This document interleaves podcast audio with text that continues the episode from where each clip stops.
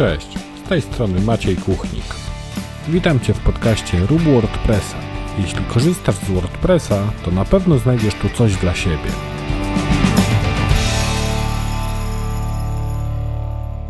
Cześć, witaj w 61. odcinku podcastu Rób WordPressa. W dzisiejszym odcinku porozmawiamy o dobrych praktykach przy tworzeniu kodu, przy tworzeniu wtyczek, motywów Marcin Pietrzak podzieli się cennymi radami dla każdego dewelopera. Partnerem podcastu jest marka CyberFolks, która przygotowała dla Was specjalny kod rabatowy, który obniża koszty zakupu hostingu pod WordPressa. Ten kod to podcast pisany przez C. Znajdziecie go również w notatkach do tego odcinka. A oprócz hostingu i domen polecam również blog CyberFolks, który jest doskonałą kopalnią wiedzy nie tylko na temat WordPressa, ale na różne tematy związane z internetem i stronami internetowymi. Jak skończysz słuchać ten odcinek, to zajrzyj do nich na bloga, na pewno znajdziesz tam również coś ciekawego. A teraz zapraszam do rozmowy z Marcinem Pietrzakiem.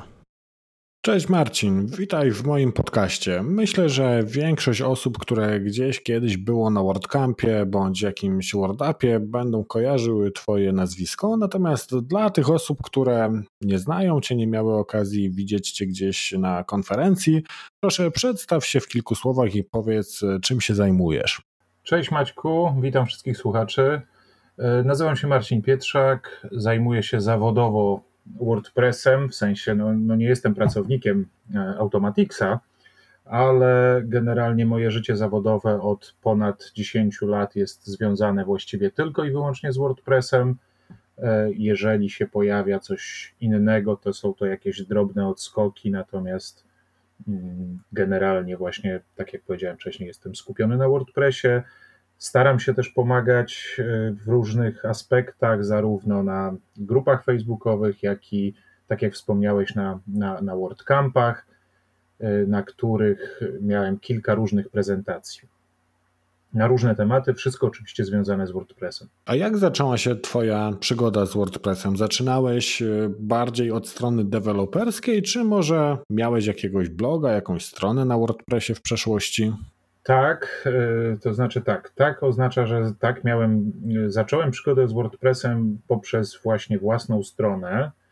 E, szukałem jakiegoś lekkiego rozwiązania do własnego portfolio, bo to, które używałem, e, jakby no, nie było za elastyczne. To znaczy było super, było szybkie, było fajne, ale nie było na tyle elastyczne, na ile bym sobie życzył. W związku z tym gdzieś w okolicach roku 2007 y, to była wersja bodajże 2.6 albo 2.7. Założyłem sobie stronę, na której miałem takie bardzo proste portfolio. Chwilę później była jeszcze strona jakiejś takiej organizacji, której, której y, była potrzebna a potem to się po prostu potoczyło. Konto na e, wordpress.org założyłem we wrześniu 2008 roku i można powiedzieć, że od wtedy e, moja, moje życie zawodowe zaczynało się coraz bardziej skupiać na WordPressie, po to, żeby w okolicach roku 2011-2012 całkowicie e, przejść na WordPressową stronę mocy. Okej, okay, no to myślę, że, e, że tutaj e, wystarczająco jasno się przedstawiłeś i myślę, że wszyscy będą wiedzieli, e, w jakim kontekście też się będziesz wypowiadał. A dzisiaj chcę z Tobą porozmawiać o takich bardziej technicznych tematach, czyli tematach związanych z programowaniem, z dobrymi praktykami. No bo tutaj, jak wiadomo, WordPressa możemy użyć taki prosty sposób, gdzie zainstalujemy go sobie e, przez jakiegoś nawet autoinstalatora na hostingu, wyklikamy stronę i, mm, i to po prostu działa. Natomiast w tym odcinku chciałbym się skupić trochę bardziej na takich aspektach e, bardziej zaawansowanych właśnie, gdzie tworzymy jakieś dedykowane strony, dedykowane motywy, czy właśnie rozszerzamy funkcję WordPressa przez dodatkowe wtyczki, które piszemy właśnie na nasze potrzeby. E, I tutaj właśnie pierwsze pytanie. Co zaprogramować jako wtyczkę, a co umieścić w motywie? No bo z punktu widzenia WordPressa, zarówno w kodzie wtyczki, jak i w kodzie motywu możemy praktycznie wszystko wrzucić i to będzie działało. No ale nie zawsze to będzie poprawne z takiego punktu widzenia, e, można powiedzieć, jeśli chodzi o architekturę tego rozwiązania. Więc jakbyś tutaj podzielił te dwa obszary? Jeśli ktoś kiedyś by się zastanawiał, czy ten kawałek kodu wrzucić jako wtyczkę, czy może umieścić w motywie bądź motywie potomnym. Jak byś do tego podszedł? Tutaj powiem tak, no oczywiście masz rację, że ten kod możemy wrzucić, e, wszystko co robi motyw, wszystkie nasze funkcje możemy wrzucić do pliku związanego z motywem, który nazywa się funkcje PHP e, i to będzie działać. Tu wspomniałeś oczywiście architekturę. Y, y, przy WordPressie, niestety, mimo mojej całej miłości do tego, do tego rozwiązania, to jednak mówienie o architekturze w WordPressie no jest trudnym tematem, dlatego że WordPress jest pod względem technologicznym dość słabym oprogramowaniem. Natomiast wracając do, do samego pytania, czyli co, co zaprogramować jako wtyczkę, co umieścić w motywie sporo się nad tym zastanawiałem po naszej jakby wstępnej rozmowie i e, podstawowy podział jest bardzo prosty. Podstawowy podział mówi to, co odpowiada za wygląd, umieść w motywie, to, co odpowiada za funkcjonalność, umieść w tyczce. Oczywiście gdzieś tam się zaraz pojawiają nasze słynne już na WordCampach, to zależy. Jeżeli muszę umieścić coś drobnego w motywie, to nie tworzę do niego wtyczki. Natomiast, y, tak jak przeanalizowałem kod y, ostatnich, powiedzmy, 15 wdrożeń, to generalnie do każdego wdrożenia, które w, które w tym czasie zrobiłem, czyli z ostatnich, nie wiem, w okolicach właśnie ostatnich 10 wdrożeń, do każdego wdrożenia powstają dwa repozytoria. repozytorium z motywem oraz repozytorium z wtyczką, która jest helperem. I y, tak na przykład, y, żeby to ująć w przykład, jeżeli mamy takie super wyróżniającą się sekcję, w której mamy jakieś wyjątkowe rzeczy, typu na przykład, nie wiem, działy firmy, można to albo zrealizować na zasadzie kategorii, i to też będzie ładnie, też będzie dobrze i odpowiednio ostylować, odpowiednio wyciągać na, na, na sidebarze. Natomiast prawidłowo, żeby to miało tak y, dużo większe możliwości mm, prezentacji oraz operacji na tych danych, możemy sobie zdefiniować własny typ wpisu. I wtedy cała taka definicja własnego typu wpisu wraz z odpowiednimi dodatkowymi własnymi polami, ich zapisem, ich sprawdzaniem, o czym będziemy za chwilę też mówić, e, umieszczamy we wtyczce, e, łącznie z elementami, które pozwolą nam wyświetlić ale tylko wyświetlić, może nie wyświetlić, źle powiedziałem, pobrać dane. Natomiast samo wyświetlanie realizujemy już w motywie, gdzie zarówno w tym motywie umieszczamy elementy odpowiadające za strukturę HTML-a, to wtedy korzystamy zazwyczaj z plików w e, jakichś template partów, czyli kawałków szablonów w motywie, a oczywiście za wygląd y, odpowiednie reguły w plikach styli, tak żeby to wszystko miało i ręce i nogi. Dlaczego tak? Na pewno się może takie pytanie pojawić. Tu sprawa jest bardzo prosta. Dlatego, że zmieniając motyw z jakiegoś powodu, nie zmieniamy funkcjonalności i dzięki temu, dzięki takiemu grubemu rozdzieleniu funkcjonalność do wtyczki, wygląd do motywu, nie, jesteśmy niezależni. Tutaj jako smaczek podam trend, który y, na pewno Team Forest jest wielu Wam znany y, i od dobrych dwóch lat na Team Forestie jest y, zalecenie dla autorów motywów, żeby właśnie rozdzielić funkcjonalności typowo dodające coś od motywu. I jeżeli ktoś śledził, aktualizuje, powiedzmy, nie wiem, pierwszą dziesiątkę najlepiej sprzedawanych motywów tam właśnie na Team Forestie, to wyraźnie widać, że w pewnym momencie pojawiła się wtyczka, dwie lub trzy do motywu, który można sobie wtedy, kupując motyw, pobiera się te wtyczki, dopiero wtedy całość jest pełnym rozwiązaniem. No tutaj muszę przyznać, że dosłownie dwie godziny temu miałem live'a na, na Facebooku, na YouTubie, gdzie podawałem właśnie też podobne e, przykłady. E, związane właśnie z, z tą separacją, powiedzmy, funkcji od wyglądu. Natomiast fajnie, że też poruszyłeś tutaj kwestię tych repozytoriów, bo o to też Cię dopytam. Ja zwykle podchodzę do tego, że raczej jeśli mam jakieś repozytoria, to staram się je mieć e, maksymalnie małe, tak? Czyli na przykład motyw czy wtyczka właśnie osobno, ale bardzo często się spotykam z takim podejściem, że ładujemy do repozytorium wszystko, łącznie z WordPressem, no może z wyjątkiem wykluczenia e, WP Content Uploads. E, jakie ty masz podejście do tego? Bo z mojego punktu widzenia to jest taka bardzo średnia praktyka i trochę utrudniająca utrzymanie całości, szczególnie jeśli na przykład e, jakieś tam wtyczki, e, powiedzmy takie nasze dedykowane, wykorzystujemy w e, kilku różnych projektach. Jak ty podchodzisz do tego? Raczej małe repozytoria trzymające pojedyncze wtyczki, motywy, czy, czy właśnie jedno wielkie repozytorium trzymające wszystko? Osobiście używam odseparowanych repozytoriów, czyli oddzielnie trzymam motyw, oddzielnie wtyczkę, jeżeli w danym serwisie używam trzech czy czterech wtyczek pisanych dedykowanie pod ten serwis, to każda wtyczka ma własne repozytorium. Czyli tutaj ja osobiście preferuję maksymalną separację, taką właśnie atomową, czyli repozytorium per wtyczka, repozytorium per motyw. E, tu jeszcze jest jeszcze ciekawiej, bo nawet czasem pisząc motyw, od razu startuję z dwoma repozytoriami, to znaczy mamy motyw oraz motyw podobny do tego. Czasem tak jest, y, nie jest to częste, ale czasem tak, tak, tak się właśnie dzieje. Natomiast obsługuję takie projekty, y, na przykład sztuczna inteligencja.org.pl, to jest taki bardzo duży projekt WordPressowy y, i on jest trzymany cały w, cały w repozytorium, tak jak właśnie powiedziałeś, łącznie z plikami konfiguracyjnymi. I ja takiego rozwiązania, szczerze powiem, nie lubię. To znaczy, ono jest dla mnie tak mało elastyczne. E, ilość wad, jakie ma to rozwiązanie, właśnie to, co wspomniałeś, czyli właśnie aktualizowanie wtyczek wymaga aktualizowania repozytorium, aktualizowanie tłumaczeń wymaga aktualizowania repozytorium, żeby nam się to wszystko nie rozjechało.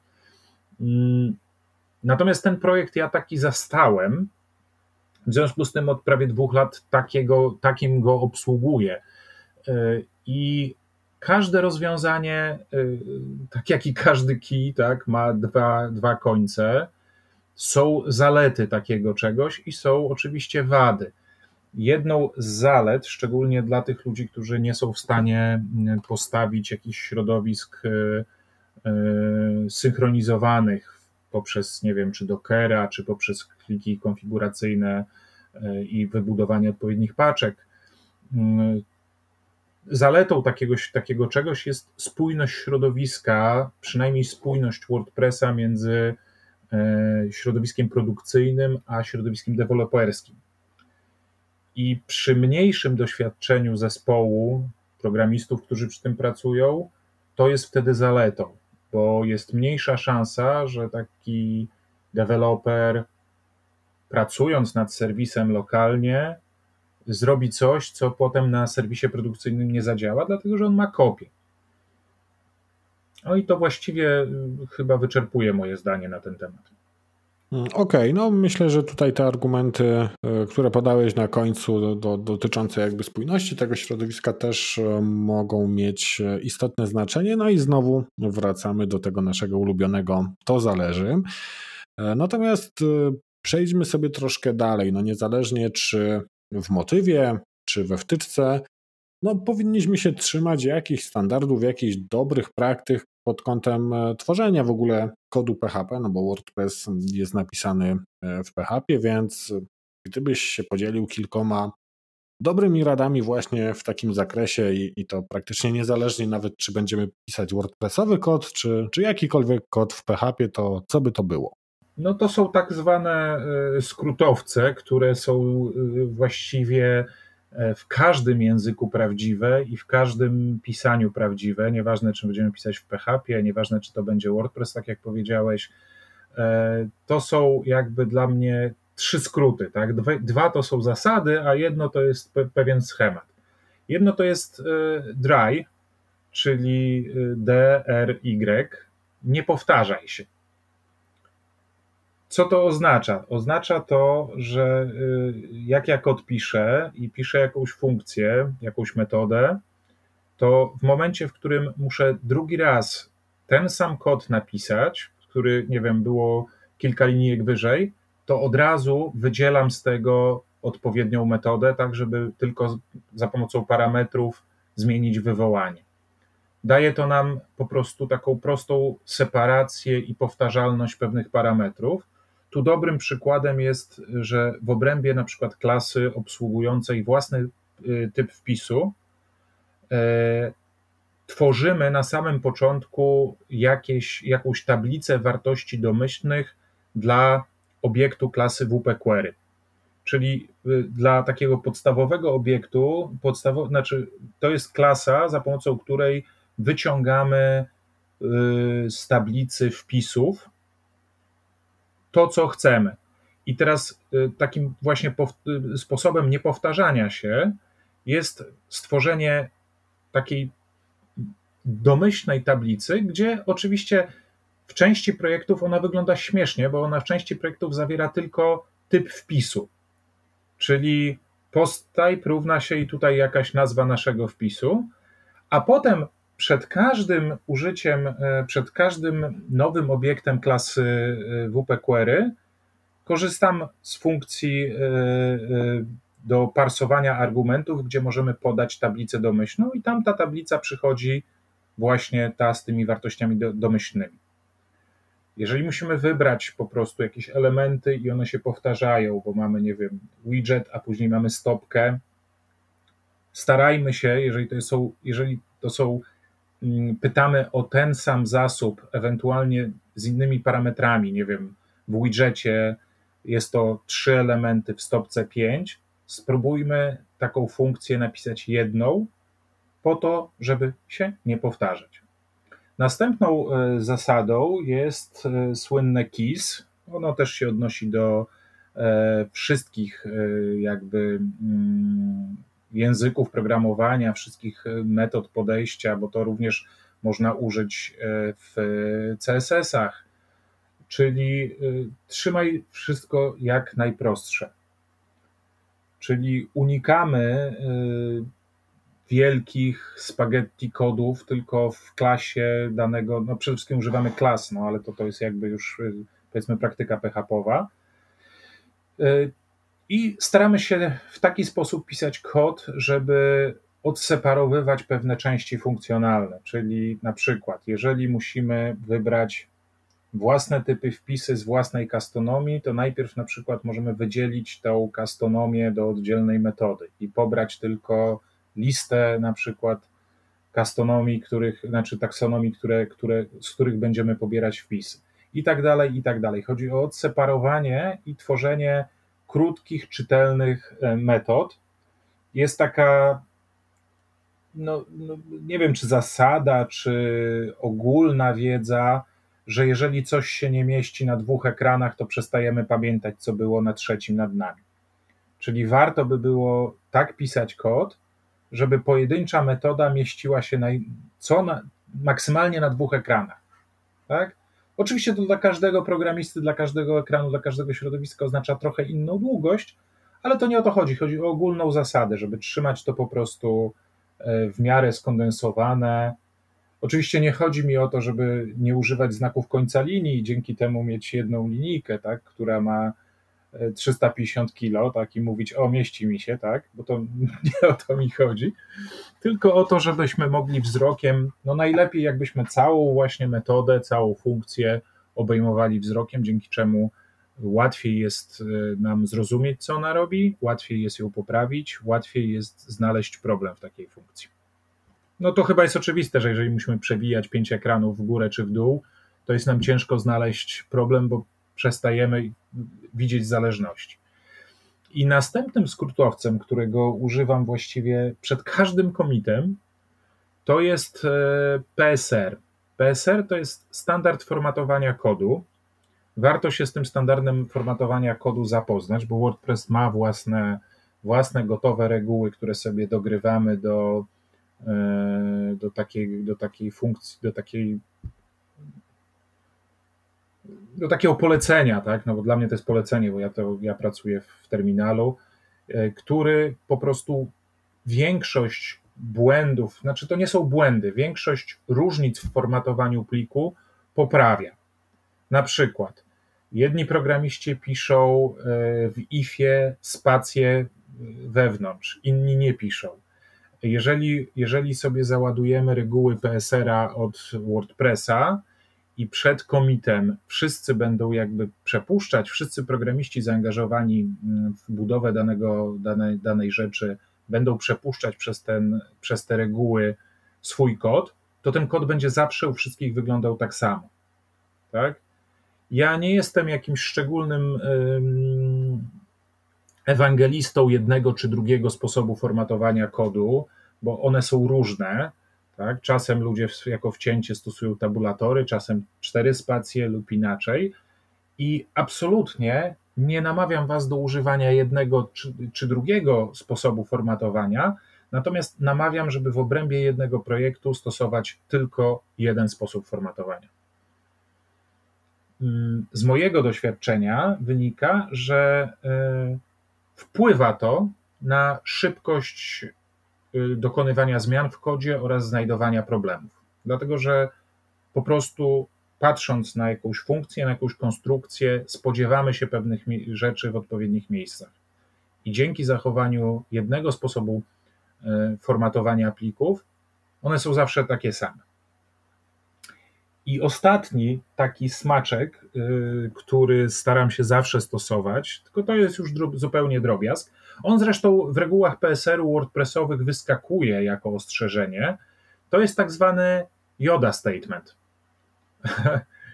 Jeżeli ktoś się spotkał, to doskonale wie o co chodzi, natomiast dla tych, którzy nie wiedzą, e, chodzi o to, że e, warunki, które piszemy, tu dotyczy to na przykład JavaScriptu, dotyczy to PHP, dotyczy wszystkich miejsc, gdzie musimy wykonać porównanie.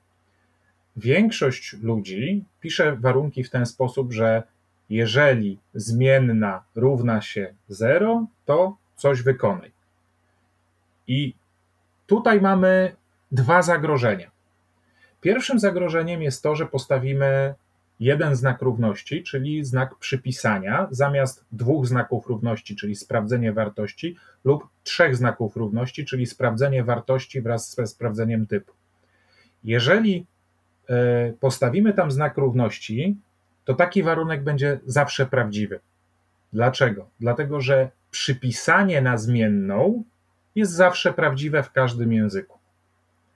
No może nie do końca, w językach, które mają typy, mocne, mocne, mocne typowanie to nie jest prawdziwe, bo jeżeli sobie zdefiniujemy, że coś jest liczbą, a będziemy próbować przypisać na to string, no to oczywiście wtedy te przypisanie będzie fałszywe, ale ponieważ ani PHP, ani JavaScript, czyli te dwie, dwa języki, które są używane powiedzmy mocno przez wszystkich, którzy piszą w WordPressie, nie mają e, mocnego typowania, w związku z tym e, warunek przypisania w obu tych językach w ten sposób, że będzie najpierw zmienna, potem znak równości, potem wartość, zawsze zwróci nam prawdę. Natomiast jeżeli odwrócimy ze sobą, czyli najpierw napiszemy 0 równa się zmienna, to uzyskujemy pewność, że w przypadku postawienia złego znaku warunku, czyli zamiast Y, równa się, zamiast nie równa się, postawimy po prostu znak przypisania, w tym momencie zawsze PHP y, oraz konsola JavaScriptu zgłosi błąd, bo nie można na wartość przypisać zmiennej. Czyli chronimy się przed takim zwykłym błędem niepostawienia jednego znaczka. No i kwestia przyzwyczajenia, patrząc na wartość, jakby najpierw y, jest mi, mi osobiście jest, jest łatwiej. No i to ma właśnie taką śmieszną nazwę mm, Yoda Statement.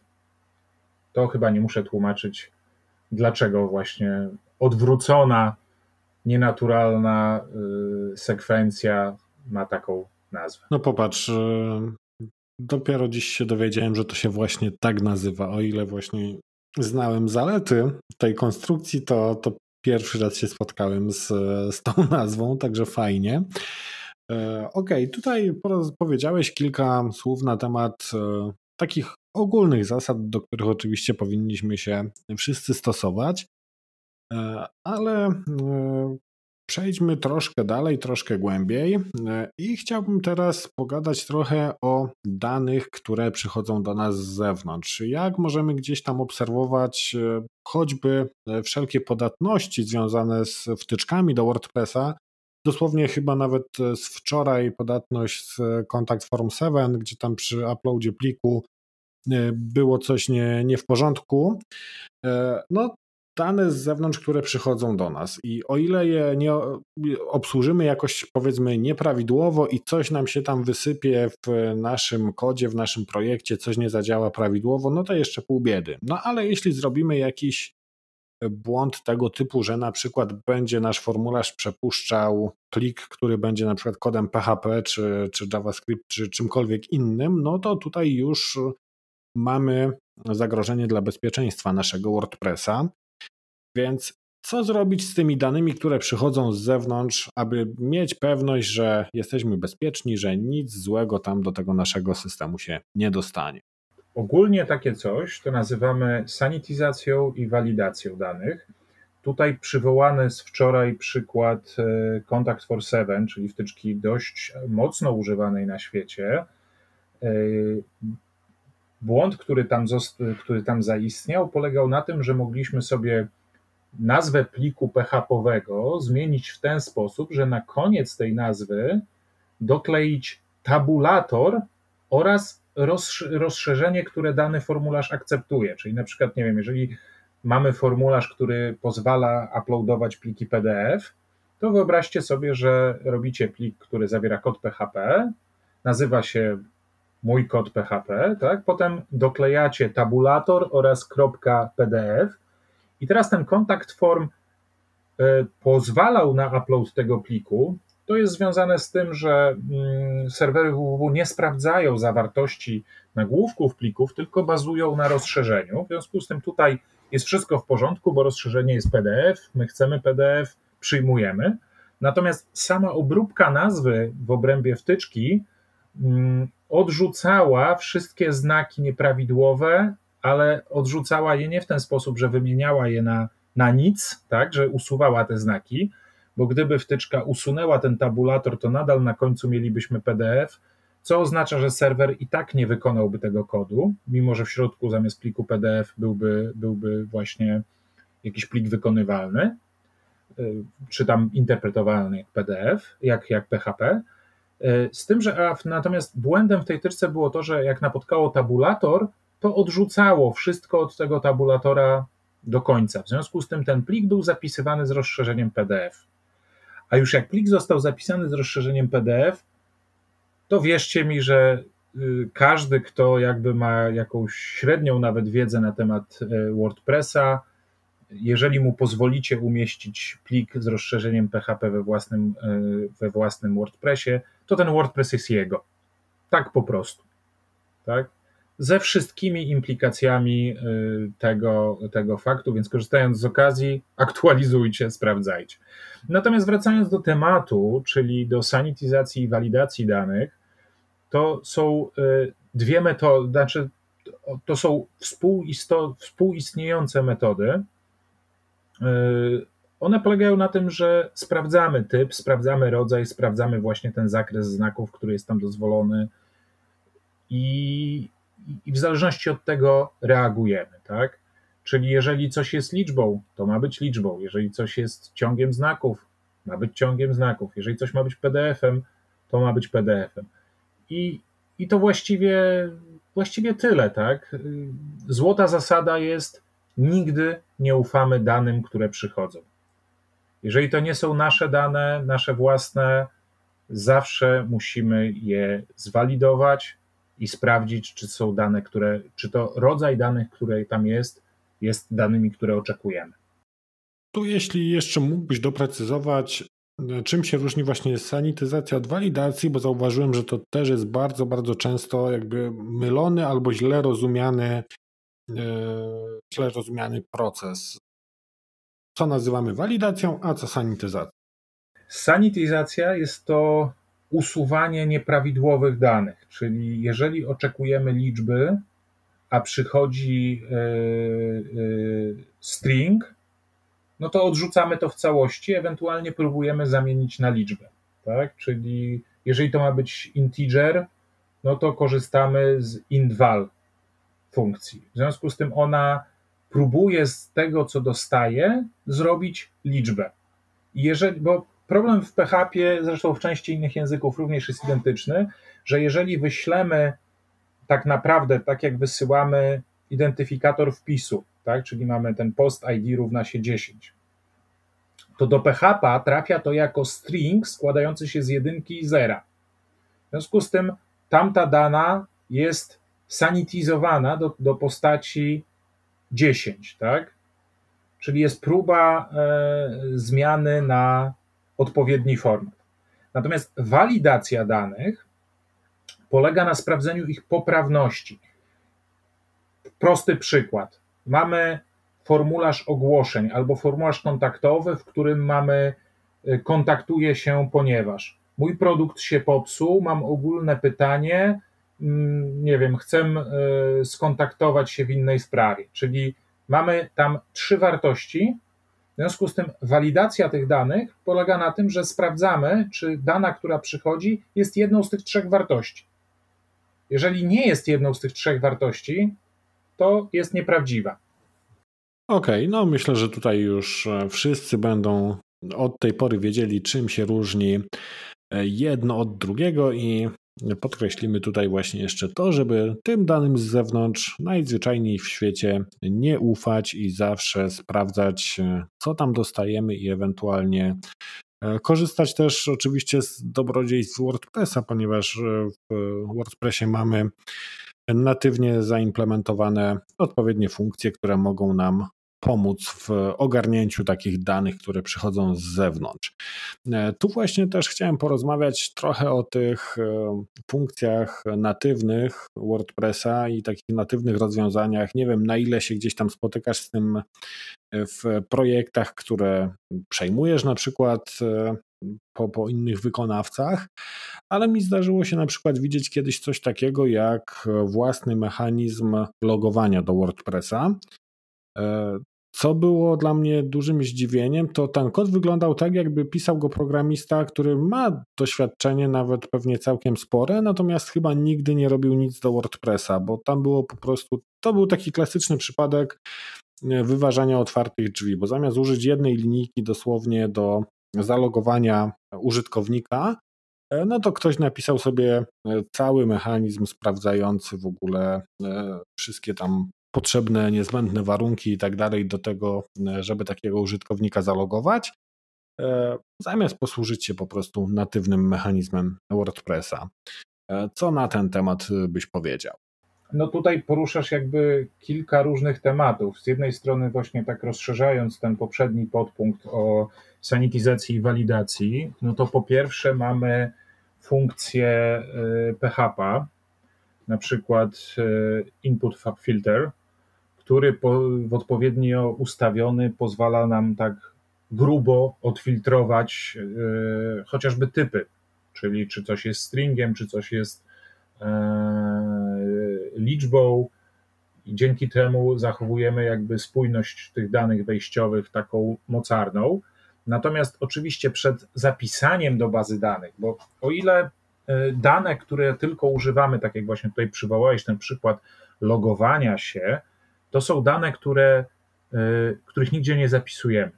To są dane, które sprawdzamy i w zależności od odpowiedzi systemu, nieważne czy to jest już odpowiedź wbudowana, czy tak jak podałeś przykład, ktoś zrobił samodzielnie, e, korzystamy tylko z efektu, tak? czyli że jest ktoś zalogowany lub nie jest zalogowany. Tak? Nie interesują nas, nie przechowujemy tych danych.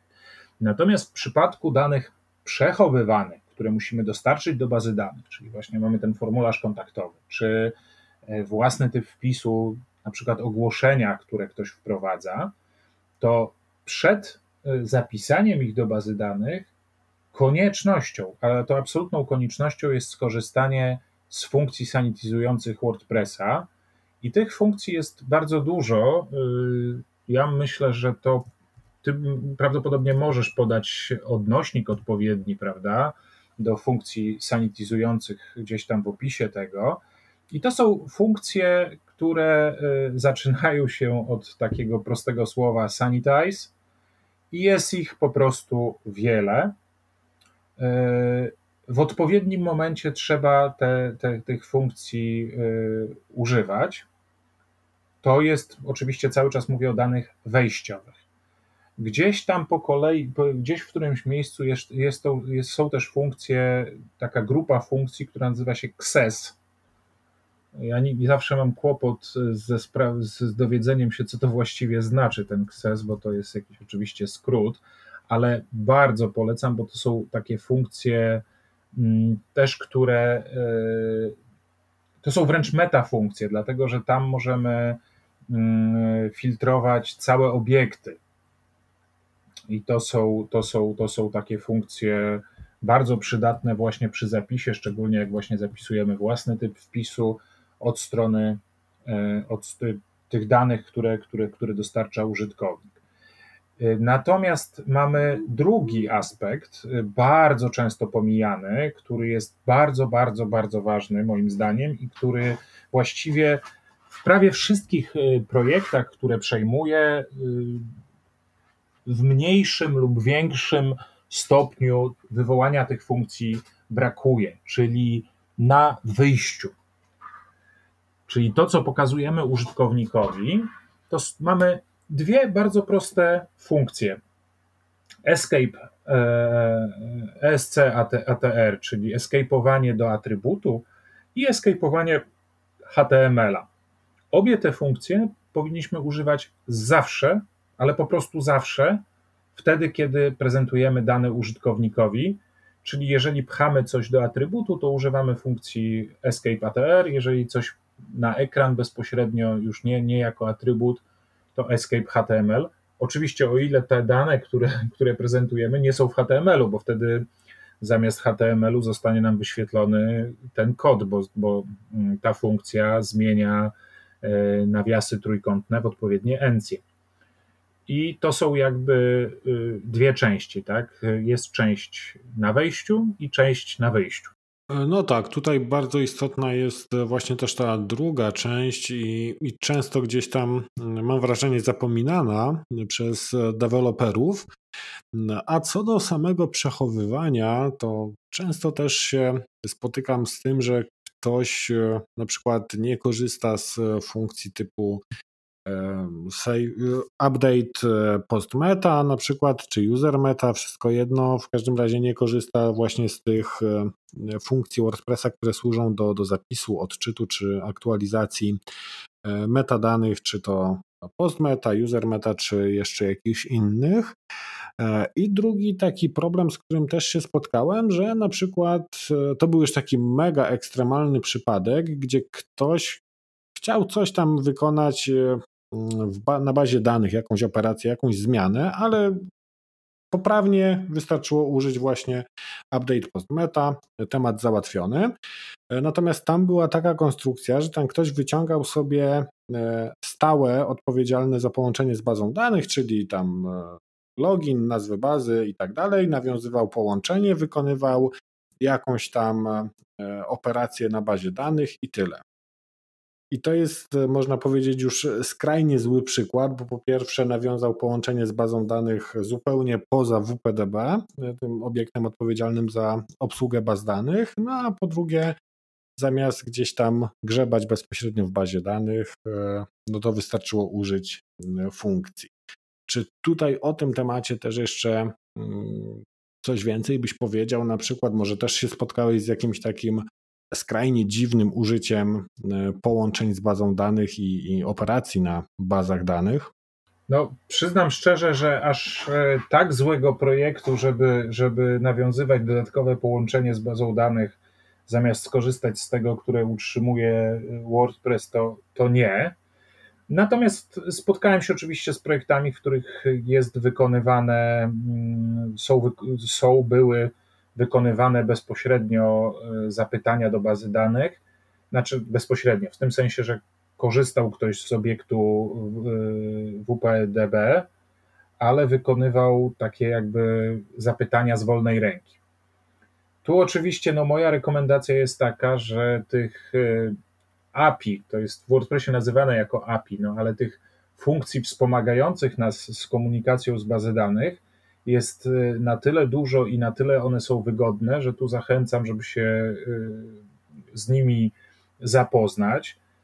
Przy bardzo, bardzo, bardzo specyficznych zastosowaniach można się odpytać bezpośrednio, tylko pamiętajmy o tym, że pytanie się bezpośrednio zazwyczaj omija wszystkie mechanizmy związane z cache i e, jeżeli mamy stronę, która jest e, podciągnięta z wydajnością, używa jakiegoś cache'u, jakiegoś e, to zapytania za pomocą obiektu WPDB, te przez API idące, one są cache'owane i te, zazwyczaj te wszystkie wtyczki wiedzą, że jeżeli chcemy zapytać o post 1 i post o identyfikatorze 1 i pytamy w kilku miejscach, to one bez kłopotu wyciągną go właśnie z jakiejś pamięci podręcznej, zamiast odpytywać za każdym razem. No, przykład, który podałeś, jest wręcz przerażający, no bo jeżeli ktoś wyciąga jakby dane, mm, no to jest to bardzo dziwne. Szczególnie, że y, no, to jest też niebezpieczne, tak? No bo w ten sposób możemy doprowadzić do jakiegoś wycieku tych danych. No, oczywiście one są dostępne, no ale to, to jest ludzki, ludzki czynnik. Natomiast y, jest też mnóstwo filtrów, y, jeżeli ktoś już bardzo, bardzo chce mieć jakieś takie zapytania. Ja przyznam się, że z tych filtrów korzystam, y,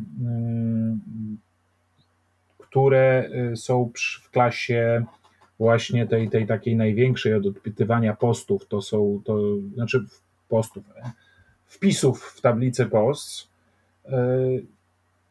i czasem, czasem brakuje, chociaż brakuje coraz mniej. No, dobrym przykładem jest takim, że w wersji bodajże 5.3 pojawiła się już możliwość e, w Query sortowania po więcej niż jednym polu i ze zmiennymi kierunkami, tak? czego wcześniej nie było i trzeba było to robić na filtrze, e, na odpowiednim filtrze.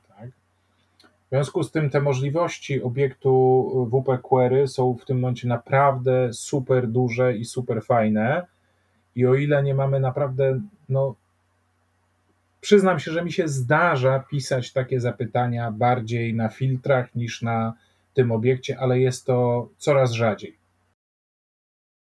Tutaj przypomina mi się jeszcze jedna taka sytuacja, gdzie motyw gotowy z Team Foresta e, miał w sobie coś takiego jak rejestrację użytkowników. Tam chodziło o zapis na jakieś chyba eventy czy coś takiego. W każdym razie taki użytkownik z ulicy po prostu mógł sobie założyć jakieś tam konto i zapisać się na jakiś event. E, no i wszystko byłoby fajnie, wszystko tam wyglądało ok, natomiast z pewnych względów konto, jeśli było stworzone właśnie za pomocą jakichś tych mechanizmów takich frontendowych e, zawartych w tym motywie, e, nie działało, nie dało się zalogować. No i tak zacząłem szukać, szukać problemu. No stwierdziłem, że, że problem na pewno jest w tym, jak to konto jest tworzone. I tam też był taki fajny smaczek, że konto było stworzone przez e, tam WP Insert User czy tego typu funkcje. Natomiast po stworzeniu było, była wykonywana jakaś operacja jeszcze właśnie na bazie danych, która dla mnie była totalnie niezrozumiała. E, w tabeli WP Users tam ta kwerenda coś zmieniała, nie pamiętam już w tym momencie co, bo to było kilka lat temu, no ale z jakimiś takimi powiedzmy smaczkami w, w płatnych motywach e, też się spotkałem. Wspomniałeś tutaj jeszcze o e, rzeczy, o której myślę nie możemy nie wspomnieć podczas tej rozmowy, czyli o e, filtrach. E, rozszerzę troszkę to pytanie. Filtry, akcje, czyli ogólnie rzecz biorąc, hooki w WordPressie, do których się możemy właśnie podpinać i modyfikować albo jego działanie, albo działanie wtyczek ale też myślę, że warto zadbać o to, aby ten kod, który piszemy, był odpowiednio mocno gdzieś tam obłożony tymi filtrami bądź akcjami, no bo dużo łatwiej będzie e, czy innemu deweloperowi, czy nam e, podpiąć się gdzieś tam w różne miejsca tego kodu. Tutaj choćby WooCommerce jest bardzo fajnym przykładem, jak za pomocą akcji czy filtrów możemy modyfikować jego działanie. Też często się spotykam z takim mitem. Myślę, że jest to mit, nie wiem, jaki ty masz, jaki ty masz zdanie na ten temat, że jeśli gdzieś tam przesadzimy z ilością tych filtrów, ilością akcji, w, na przykład w naszej wtyczce czy w naszym motywie, no to wpłyniemy bardzo negatywnie na wydajność. Ja mam doświadczenia no, nieco inne, powiedzmy, bo stosuję tą metodę od, od zawsze, można powiedzieć, i e, daje mi ona niezwykłą elastyczność i nie, niespecjalnie zauważyłem, żeby jakkolwiek ten mój kod zwalniał. Jak ty do tego podchodzisz? Czy może robiłeś jakieś testy kiedyś? No, czuję się lekko podpuszczony, bo ja jestem wielkim fanem, wielkim ewangelistą filtrów i akcji. Uwielbiam z nich korzystać. Y, do tego stopnia, że to, co wspominaliśmy wcześniej, czyli budowanie e, motywu wraz e, z wtyczką, która jest takim helperem dla motywu, komunikację, którą ja zazwyczaj używam między tymi dwoma, dwoma bytami, to są właśnie akcje i filtry własne. E, dlaczego? Dlatego, że korzystanie, wyobraźmy sobie, że właśnie napisaliśmy motyw. Motyw na dole ma mieć właśnie te ogłoszenia wypuszczone. I teraz te ogłoszenia realizujemy za pomocą naszej własnej wtyczki. I teraz jak pobrać dane, jak pobrać właśnie ostatnie trzy ogłoszenia, które zostały zaakceptowane. I y, taką naturalną dla PHP y, y, jakby rozwiązaniem jest wywołanie jakiejś funkcji, która nam zwróci te dane. Ewentualnie zawołanie jakiegoś obiektu, jakiejś klasy. Obie te wersje mają tą wadę, że muszą sprawdzić, że musimy najpierw sprawdzić, czy dany albo dana funkcja globalna, która jest, nie wiem, instancją obiektu, albo jakiś singleton musimy pobrać za pomocą wywołania jakiejś metody statycznej. W obu tych przypadkach musimy sprawdzić, czy dana, dana, dany, dana zmienna istnieje i czy jest odpowiedniej oczekiwanej przez nas klasy, albo musimy sprawdzić, czy klasa istnieje. Niestety w PHP sprawdzanie, czy klasa istnieje, jest dość prymitywne. Po prostu tam sobie gdzieś PHP leci po wszystkich instancjach i sprawdza, czy mu się zgadza. Jest to coś, co y, już w dzisiejszych komputerach oczywiście nie wpływa, dlatego że y, przelecenie się po 500 plikach trwa dzisiaj na serwerach niezauważalnie szybko, ale po prostu tak jest, to jest taka zaszłość. Natomiast użycie, natomiast ja te dane przesyłam właśnie filtrami, czyli wywołuję nazwę filtra własną, której jako wartość podaje pustą tablicę. I następnie kod w motywie tylko po prostu sprawdza. Jeżeli jest pusta tablica, omija cały blok. Jeżeli jest jakaś odpowiedź w tej tablicy, no to ładuje odpowiedni szablon w motywie, który zazwyczaj w jakimś powtarzalny sposób ten szablon jest wywoływany. Tu bardzo fajnie w WordPressie 5.5 weszło wreszcie E, do funkcji getTemplateParts możemy przekazywać tablice argumentów, w związku z tym naprawdę operowanie szablonami w tym momencie e, cząstkowymi w motywie jest dużo wygodniejsze, dużo większe możliwości, naprawdę fajne się zrobiło. E, wcześniej musieliśmy ustawiać za pomocą query set i różnymi dziwnymi metodami. Natomiast wracając do tematu, ja używam właśnie w tym momentach, w takich momentach filtrów, które pozwalają wpiąć bardzo szybko. I teraz jak działają filtry? WordPress sprawdza, czy pod danym stringiem są podpięte jakieś funkcje lub obiekty i sprawdzenie już załadowanej tablicy referencji jest na pewno szybsze niż sprawdzenie, czy istnieje jakaś klasa to jest po prostu bezdyskusyjne, dlatego że sprawdzenie, czy istnieje jakaś klasa, to jest próba załadowania wszystkich klas, które są dostępne e, dla PHP i sprawdzenie, czy któraś z nich jest tą klasą, którą szukamy. Czyli w najgorszym wypadku, jeżeli jakoś się tak zdarzy, że nasza klasa będzie załadowana ostatnia, no to WordPress musi sprawdzić wszystkie klasy, znaczy WordPress, PHP musi sprawdzić wszystkie klasy i dopiero wziąć tą ostatnią, która nam się nam podpasowała. Natomiast w przypadku filtrów On po prostu leci po załadowanej, to, to jest ładowane raz, tablicy z referencjami i jeżeli y, y, wtyczka podepnie się, zdefiniuje, że ona ma taki filtr, tak, czyli apply filter, będzie szukać w tej tablicy filtrów. Jeżeli y, WordPress po prostu sprawdzi dokładnie tą, ten element tej tablicy, że tam nic nie ma, to po prostu zwróci wartość wejściową w przypadku filtrów albo nic nie zrobi w przypadku akcji. W związku z tym używanie filtrów i akcji jest wręcz, y, znaczy teoria jest taka, że powinno być szybsze niż sprawdzanie, czy klasa istnieje albo funkcja istnieje. O, i to chyba wyczerpuje temat. Natomiast testów niestety przyznam się szczerze nie robiłem.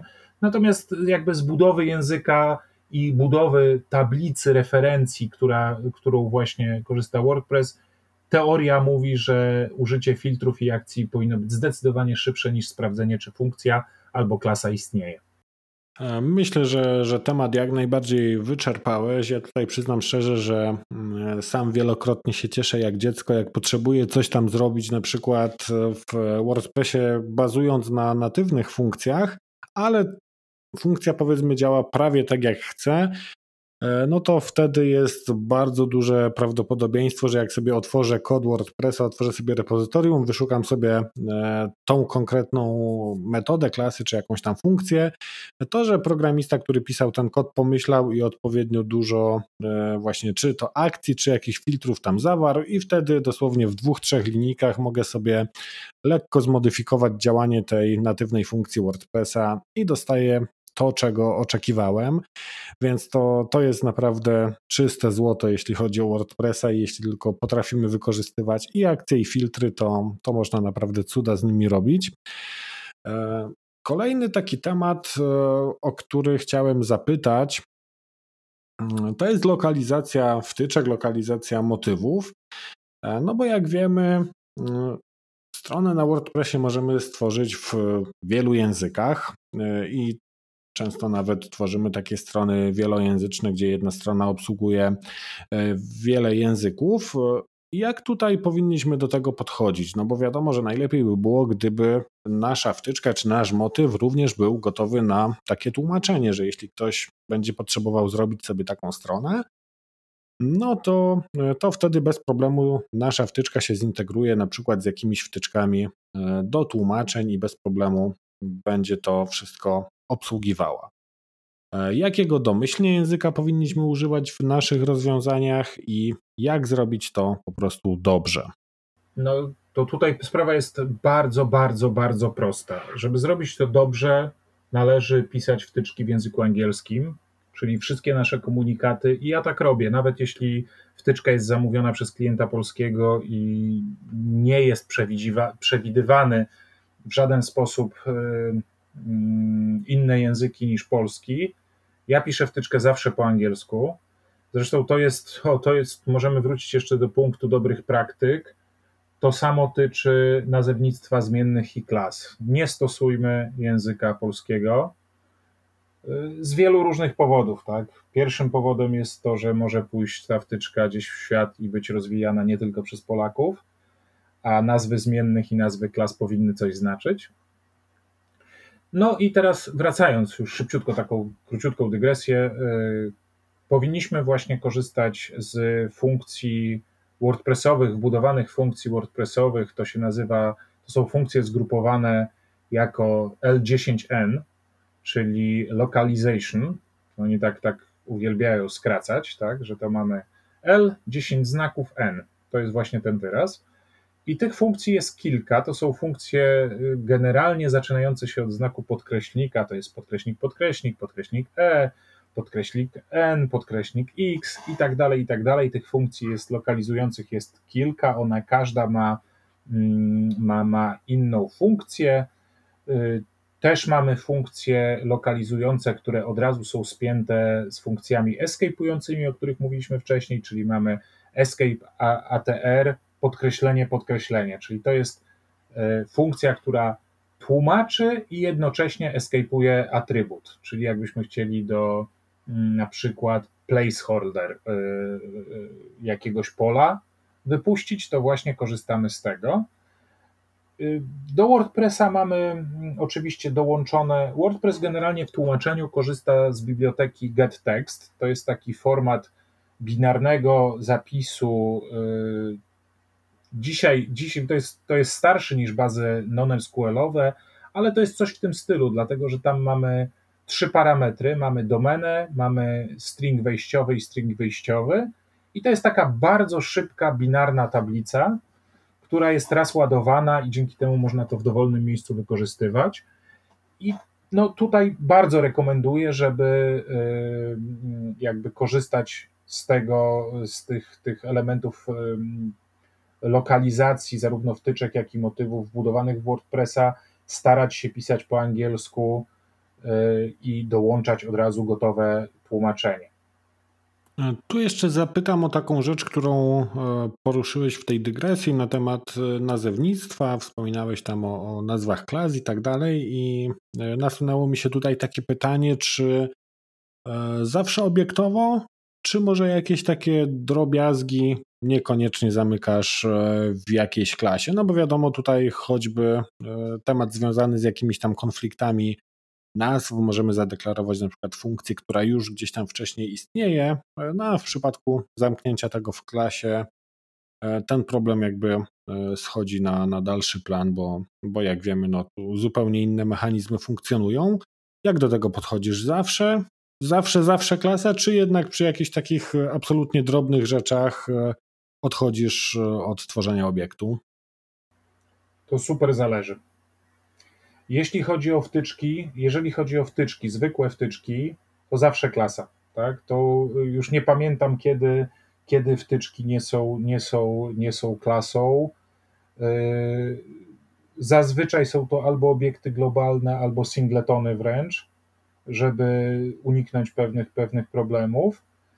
Natomiast w przypadku mu wtyczek, to oczywiście jest kod strukturalny, ale bardzo często u mnie muftyczki to jest po prostu jedna konkretna anonimowa funkcja podpięta pod filtr lub akcję, więc tutaj w ogóle to jest abstrakcyjne, tak, bo to tam nie ma instancji ani funkcji, ani klasy, ani metody, jest tylko, jest tylko instancja abstrakcyjna, czyli jeżeli napiszemy takie wywołanie funkcji anonimowych bezpośrednio na, na, na, na filtrze albo akcji. Natomiast jeśli chodzi o motyw, no to motyw zazwyczaj jest hybrydowy, dlatego że y, jak spojrzymy na motywy Automaticsa, czyli na 2020, 2021, to one zawierają taki plik, który nazywa się e, funkcje motywu. I tam są jakieś drobne funkcje, które są typowo nieobiektowe. Natomiast ja zazwyczaj jeszcze do tego dokładam, e, dokładam klasę motywu i zamykam pewne rzeczy E, charakterystyczne dla motywu w obrębie, w obrębie właśnie klasy. Zdecydowanie wolę pisać, jeżeli jest możliwość, czas, że to było obiektowe, zamknięte, czyli enkapsulowane, chyba to się nazywa. Nie jestem pewien. Czyli, że właśnie to, co powiedziałeś, że e, pewne metody są dostępne tylko dla obiektów danej klasy, Uwielbiam również ze względu właśnie na to, co wcześniej było powiedziane, czyli te dzielenie kodu na, na, na różne drobne kawałki. E, zazwyczaj klasy, które piszę, zawierają y, jedną trzecią do połowy metod, to są metody prywatne, czyli w ogóle niedostępne na zewnątrz, tak? Prywatne albo dziedziczone, czyli też niedostępne, ewentualnie dostępne dla, e, dla, dla jakby klas dziedziczących. Co zresztą bardzo mocno wykorzystuję, bo jeżeli mam w danej wtyczce na przykład więcej niż jeden typ wpisu deklaruję, to zazwyczaj e, klasy definiujące, po pierwsze, po pierwsze rozbijam, każdy typ wpisu jest rozbity na, na, na jest własnym, własnym plikiem klasy i dodatkowo one dziedziczą z abstrakcyjnej klasy typ wpisu, który zawiera metody wspólne. Okej, okay, czyli tutaj już mamy, yy, mamy w praktyce zastosowanie też tej zasady, żeby się nie powtarzać, o której mówiłeś na samym początku. Masz w repozytorium WordPressa kilka wtyczek. Myślę, że większość osób będzie kojarzyła taką wtyczkę jak sierotki. Jesteś autorem tej wtyczki. I tutaj też chciałem Cię troszkę podpytać o to, jak to wygląda z punktu widzenia właśnie programisty, który chce umieścić swoją wtyczkę w repozytorium. Przyznam szczerze, że już e, jakiś dosyć długi czas myślę o tym, żeby wrzucić jakąś tam wtyczkę do repozytorium, która mogłaby się przydać e, wielu osobom, no ale gdzieś tam cały czas są ważniejsze rzeczy na głowie. E, ale może to jest dobry, e, dobry cel na 2021, żeby w końcu mieć swoją wtyczkę w repozytorium WordPressa. Jak wygląda w ogóle proces, jakie warunki musimy spełnić i jak to przede wszystkim wygląda w praktyce? Czy jeśli już na przykład nasza wtyczka zostanie zaakceptowana, to czy potem każdy, każdy update, y, każda jakaś tam grubsza aktualizacja przechodzi jakiś kolejny review i jest zatwierdzane, czy już po, potem mamy wolną rękę? Sprawa wygląda y, dość prosto. Ten proces też się latami zmieniał. Jak na którymś WordCampie opowiadałem anegdotkę, jak kiedyś wygenerowałem plik lorem ipsum, y, wrzuciłem do formularza właśnie od wtyczek i po dwóch dniach dostałem akceptację, tak? Ale te czasy już całe szczęście minęły. Na dzień dzisiejszy no jestem świeżo właśnie po wrzuceniu kolejnej wtyczki. Proces jest taki jak zawsze, to znaczy tutaj ja oczywiście podam stronę, myślę, że ty też ją podasz słuchaczom. Yy, na tej stronie musimy wrzucić gotową, spakowaną wtyczkę, która musi działać oraz spełniać pewne wymogi. Te wymogi są y, dość proste. Y, po pierwsze, mamy wymóg związany z nazwami. Nie możemy używać nazwy WordPress w nazwie wtyczki. Po prostu nie. Możemy użyć WP, chociaż to różnie bywa z akceptacją lub nie. To znaczy, potrafi się osoba, która, która robi review takiej wtyczki, potrafi się zapytać, czy rzeczywiście chcemy mieć tam ten WP, ten prefiks. Wtyczka, którą wysyłamy, musi być to wtyczka gotowa, działająca. Dość, istotną, e, dość istotnym elementem tej wtyczki jest plik, który no, nie wpływa na działanie wtyczki, ale jest istotny dla osoby, którą, która waliduje, czyli plik e, readme e, TXT, w którym mamy opisaną strukturę wtyczki, autora, wymagania. Generalnie ta wtyczka musi być możliwa do zainstalowania i powinna działać. I ten proces trwa i uploadujemy. Znaczy, no tak, po pierwsze musimy mieć konto na wordpress.org, to jest jakby warunek konieczny, żeby w ogóle zacząć. Potem po stworzeniu takiej wtyczki yy, po prostu wysyłamy tą wtyczkę na, tamty, na, na, na odpowiedni formularz i po dwóch dniach, tutaj oczywiście oni, oni piszą, że, że, że to może być nawet do 10 dni, ta wtyczka jest albo zaakceptowana i dostajemy wtedy informację, że wtyczka została zaakceptowana, albo są jakieś uwagi. Ja ostatnio musiałem uzupełniać właśnie plik mm, readme.txt, bo, bo nie było tam y, wszystkich wymaganych opisów. Mamy po prostu listę formalnych rzeczy, które należy spełnić, i taka wtyczka, jeśli te wszystkie rzeczy spełniamy, tam są też jeszcze rzeczy związane z językiem, z modelem pracy, tak, to nie może być wtyczka, która coś dociąga. No tych reguł, które, które repozytorium wtyczek stawia przed nami jest trochę, ale one są bardzo proste do spełnienia, to nie jest żaden, tu nikt żadnych cudów nie wymaga. Jak już wtyczka zostanie zaakceptowana, to tak jak wcześniej powiedziałem, dostajemy mail, w którym nas informują, że została zaakceptowana, tu jest ważna rzecz, żebyśmy y, nazwę tej wtyczki, w sensie nazwę uproszczoną, czyli angielski Slack, już mieli taki, jaki chcemy mieć docelowo, dlatego że bardzo trudno to zmienić. Jest to możliwe, ja raz zmieniłem w jednej wtyczce, natomiast jest, jest, to, jest to taki trochę proces przez mękę, bo nikt nie chce tego robić, więc pamiętajmy, żeby ta nazwa, ten, ta nazwa uproszczona była już taką nazwą docelową. I w tym momencie dostajemy E, dane do repozytorium SVN-a. Znaczy, dane są bardzo proste, bo one są po prostu związane z uproszczoną nazwą wtyczki. Logowanie do SVN-a jest za pomocą naszego konta WordPressowego i to jest tyle. Te repozytorium jest puste.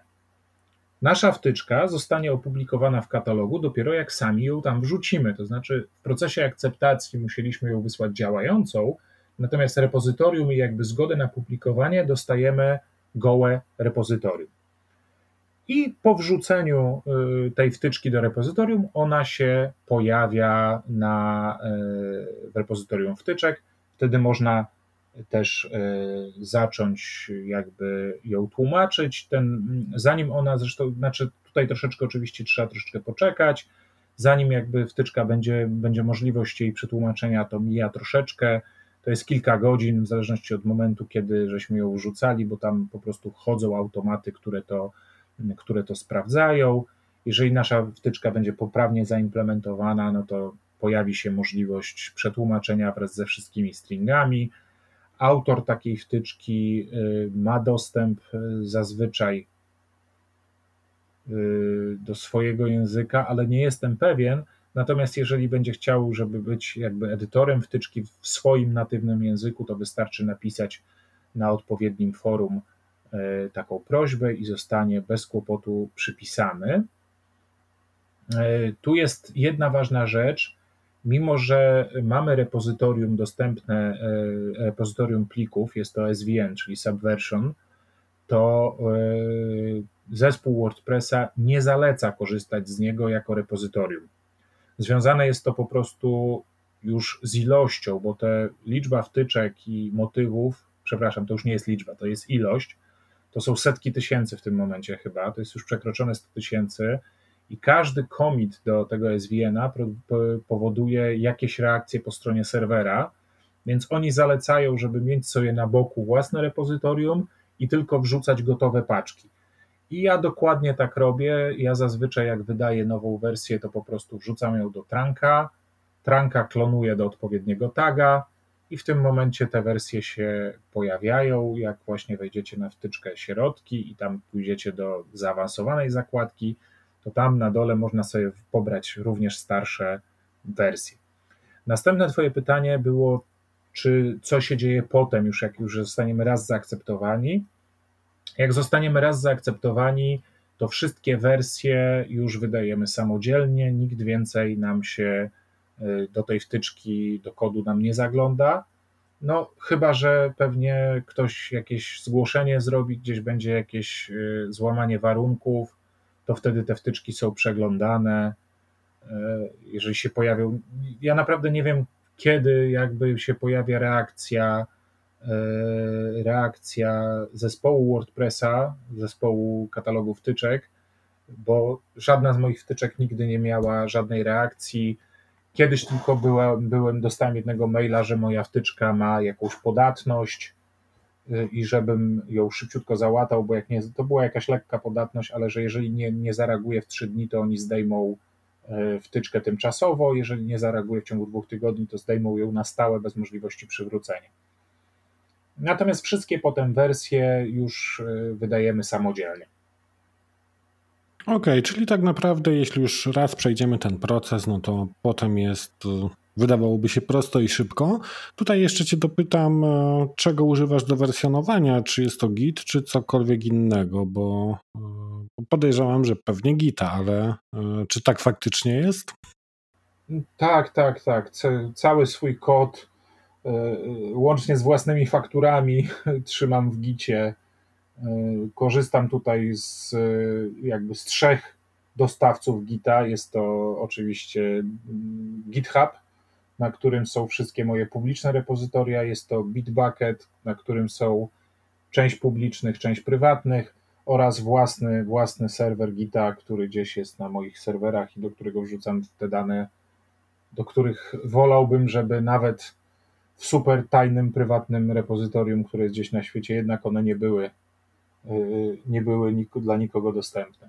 Okej, okay. często też na grupie WordPressowej zachęcasz ludzi do współpracy przy tłumaczeniach WordPressa, szczególnie w tych okresach, gdzie na przykład wychodzi nowy WordPress i e, trzeba uzupełnić te, te tłumaczenia. E, jeśli jeszcze byś przybliżył ten temat troszkę naszym słuchaczom, bo być może ktoś miałby ochotę się włączyć w społeczność, która nie tyle pracuje nad kodem, co właśnie nad tłumaczeniem WordPressa. A jakbyś powiedział kilka słów na temat tego, jak można się włączyć i, mm, i jaką trzeba mieć wiedzę przede wszystkim. Czy, czy potrzeba jakichś super technicznych e, umiejętności, czy wystarczy po prostu e, mieć te umiejętności, ale e, czysto językowe. Dobrze, to ja może najpierw odpowiem o umiejętnościach. Y, tu oczywiście ideałem byłoby ktoś techniczny, kto ma umiejętności językowe, albo inaczej, ktoś, kto ma umiejętności językowe, żeby był chociaż trochę techniczny. To nie jest tylko core, tak? Tutaj, y, jeżeli ktoś chce się y, mm, dołożyć do rozwoju WordPressa, to tych pól, w których mógłby dołożyć tłumaczenie, jest znacznie więcej. Tak jak wspomniałeś, ja staram się na grupie właśnie przypominać o nowej wersji WordPressa, czyli mniej więcej raz na 3-4 miesiące i wtedy agituję, żeby pomóc w tym tłumaczeniu, bo zazwyczaj jest to kilkaset stringów do przetłumaczenia, ale możemy tłumaczyć, jest pięć dużych grup y, do tłumaczenia. Jest to oczywiście core WordPressa, ten, o którym wspominałeś. Jest to projekt Meta. W projekcie Meta mamy y, różne rzeczy. To są katalog wtyczek, to jest strona WordPressa, katalog motywów, to są aplikacje na Androida czy macOSa, czy iOSa, jak tam się to nazywa. To jest Rosetta, czyli taki system tłumaczeń. To jest również katalog wtyczek w sensie tam, gdzie zgłaszamy wtyczkę, do tego też jest specjalny projekt do przetłumaczenia tej. Tam jest też na przykład tłumaczenie WordCampów, tak? E, Potem mamy właśnie aplikacje, czyli one są wydzielone. Źle, źle tu powiedziałem, czyli mamy aplikacje, potem mamy motywy i mamy wtyczki. I y, każdy, kto ma konto na WordPress.org, tak, to jest ten warunek konieczny, żeby zacząć tłumaczenia. Tutaj polecam, y, jeżeli ktoś właśnie ma chwilę czasu, ma ochotę na, na, na, na zaangażowanie się w rozwój WordPressa, po prostu wybrać tą wtyczkę, ten motyw, z którego korzystamy, bo ci, ci, ci którzy korzystają, to, to, to, to dużo lepiej wiedzą, co, jak coś przetłumaczyć. Tu uczulam, że y, tłumaczenie nie polega na tym, że przerzucimy sobie angielską frazę przez tłumacza Google'a.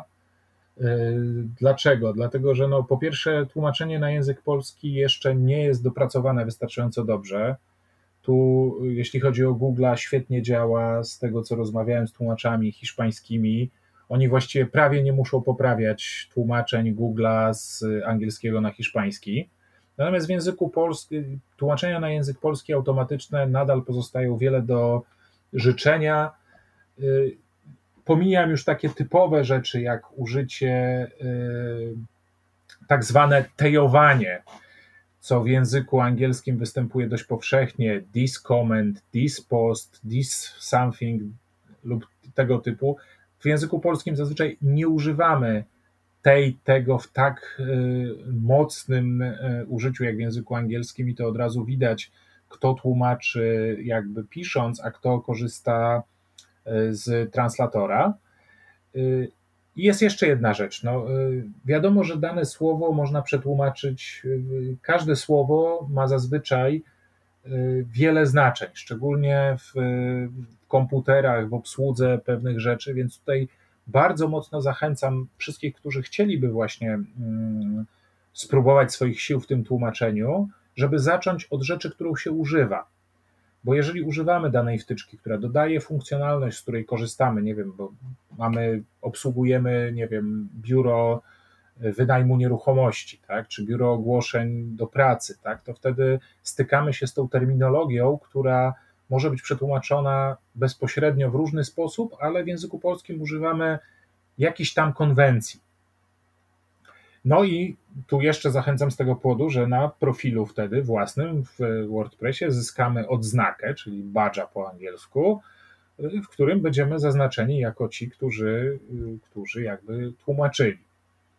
A ci, którzy tłumaczą Cora, no to w każdym wydaniu polskim, jak klikniecie sobie w pulpicie administratora e, na ikonkę WordPressa, który jest e, w lewym górnym rogu i tam wybierzecie y, odpowiedni mm, opis o, o, y, jak klikniecie w tego WordPressa, to tam jest zakładka autorzy, no to wszystkie osoby, które jakby, których tłumaczenie znalazło się w, w, w polskiej wersji, są w każdym pulpicie każdej osoby właśnie wymienieni.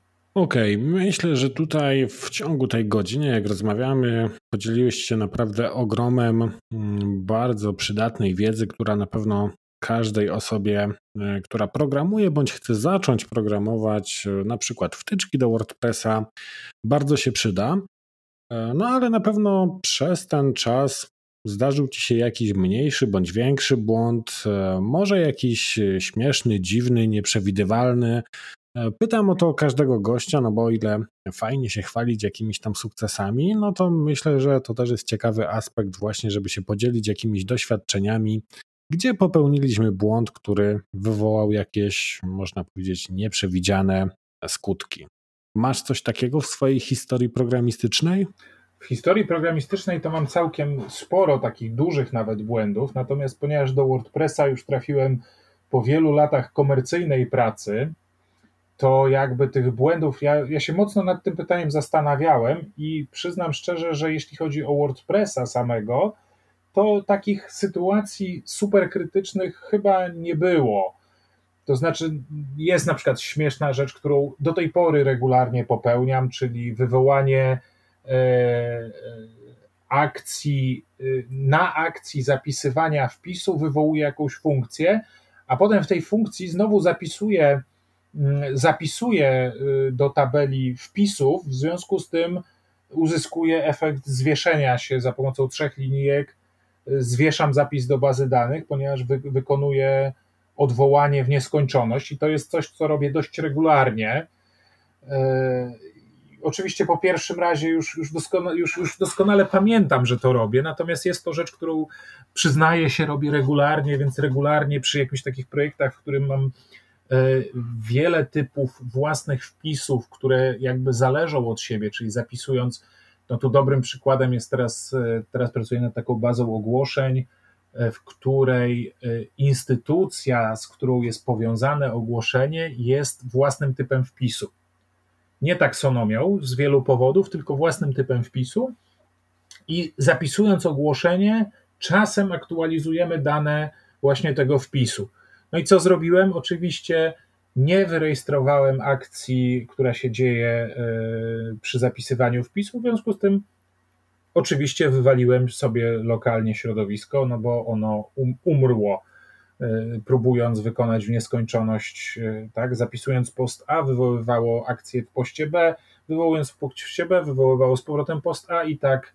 I to jest błąd, który popełniam muszę przyznać nałogowo, to znaczy takie zapętlanie się akcji, y, ponieważ już żeśmy wspominali, jestem, jestem naprawdę fanem, ewangelistą akcji i filtrów, no to to jest coś, co dość, y, dość często, często robię. Na pewno zdarzyło się skasowanie całej bazy produkcyjnej albo przepięcie serwisów. To to jest rzecz, którą przyznaję się bez bicia na pewno zrobiłem, bo, bo, bo pamiętam, że takie rzeczy były. Natomiast, tak jak mówię, no, y, takie największe, największe jakby potknięcia, które zrobiłem, no to zrobiłem y, wcześniej, przed WordPressem.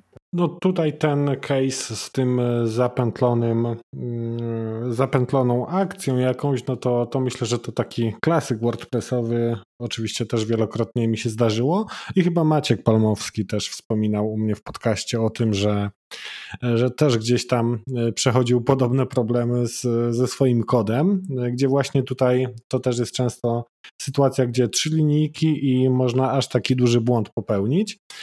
E, okay, dzięki wielkie Marcin, że znalazłeś czas, że podzieliłeś się mm, bardzo fajną wiedzą WordPressową. E, I ostatnie pytanie do Ciebie. E, gdzie można Cię znaleźć? Teraz pewnie bardziej w internecie niż realnie, no ale miejmy nadzieję, że prędzej czy później konferencje wrócą do życia i będziemy się mogli spotkać. Znaczy, no najłatwiej mnie złapać oczywiście mailem. Mój mail generalnie jest znany, to znaczy każdy, kto używa mojej wtyczki, y, którejkolwiek, ma mój mail. Oczywiście to brzmi trochę śmiesznie, ale y, jak, jeżeli używacie sierotek, to w głównym pliku sierotek jest mój mail. Jeżeli używacie wtyczki o wdzięcznej nazwie OG, czyli e, inicjały od Open Graph, to tam też jestem. Natomiast jeżeli, jeżeli wolicie jakby komunikację, ja preferuję generalnie komunikację mailową, bo mail ma to do siebie, że możemy odpowiedzieć zawsze wtedy, kiedy już mamy na to czas. Natomiast jeżeli chcecie mnie bardzo szybko złapać, no to jestem dostępny na Facebooku. O, i tyle właściwie. Tak chyba najłatwiej mnie złapać. No i pewnie na jakimś WordCampie, tak? Jak wszystko wróci do normy. No, mieliśmy teraz w listopadzie był plan, żeby, żeby nagrać WordCampa zdalnego, ale, ale koniec końców chłopaki jednak i dziewczyny zdecydowały się, że to odwołają i, i, i nie było nawet takiej formy, chociaż myślałem, że chociaż w ten sposób sobie się spotkamy.